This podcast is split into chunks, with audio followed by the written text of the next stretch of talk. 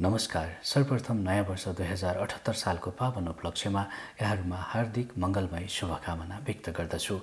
सिंह राशि हुनेहरूका लागि यो वर्ष शुभ नै रहनेछ। वर्षभरि नै बृहस्पति र राहुको प्रभावले अनुहारमा कान्ति र मनमा शान्ति आउला।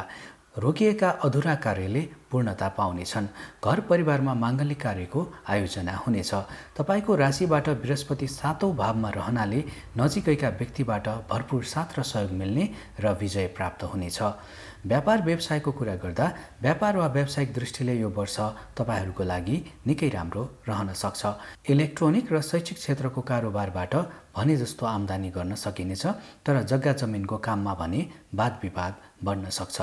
वैदेशिक क्षेत्रमा लगानीका लागि राम्रो रहेको छ। सेयर बजारमा भने त्यति राम्रो नहोला। आर्थिक दृष्टिले जेठ कार्तिक र माघ महिना बढी सकारात्मक रहनेछ। सिंह राशि भएकाहरूको प्रेम सम्बन्धको कुरा गर्दा प्रेम गर्न चाहनेहरूले नयाँ प्रेम सम्बन्ध स्थापित गर्न सक्छन् तर प्रेम सम्बन्धलाई परिवारले समर्थन गर्न गाह्रै पर्ला।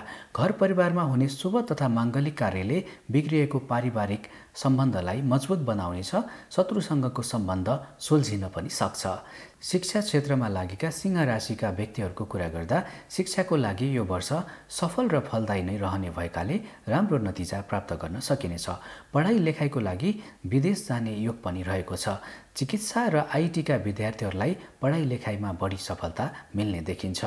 यो वर्ष नयाँ रोजगार वा व्यवसायको सुरुवात हुने राम्रो योग रहेको छ। वैदेशिक राजनीतिक तथा कूटनीतिक क्षेत्रका व्यक्तिहरूलाई निकै राम्रो हुनेछ तर अब्जसको पनि सामना गर्नुपर्नेछ। स्वास्थ्यको दृष्टिकोणले वर्षको सुरुमा चोटपटक र अस्पतालसम्मको यात्रा गर्नुपर्ने हुनसक्छ घर परिवारको स्वास्थ्यमा पनि खर्च बढ्नेछ। शिर पीडाका साथै नसा सम्बन्धी समस्या बढ्ने भएकाले आफ्नो स्वास्थ्यको विशेष ख्याल राख्नुहोला। सिंह राशिहरूका लागि शुभ रङ सेतो रातो खैरो र पहेँलो त्यसै गरी शुभ अङ्क तिन पाँच छ र नौ हो। खराब ग्रह र दशाको पिरियडमा रहेका सिंह राशिका व्यक्तिहरूले मङ्गलबार गणेशजीको दर्शन उपासना र आराधना गरी गरेको कार्यबाट अधिक लाभ प्राप्त गर्नेछन्। प्रत्येक मङ्गलबार शिवजीलाई सिन्दुर चढाउनाले र असहायलाई सहयोग गर्नाले ग्रह पीडा कम हुनेछ। वृक्षारोपण गर्नाले पनि ग्रह बाधा कम हुनेछ।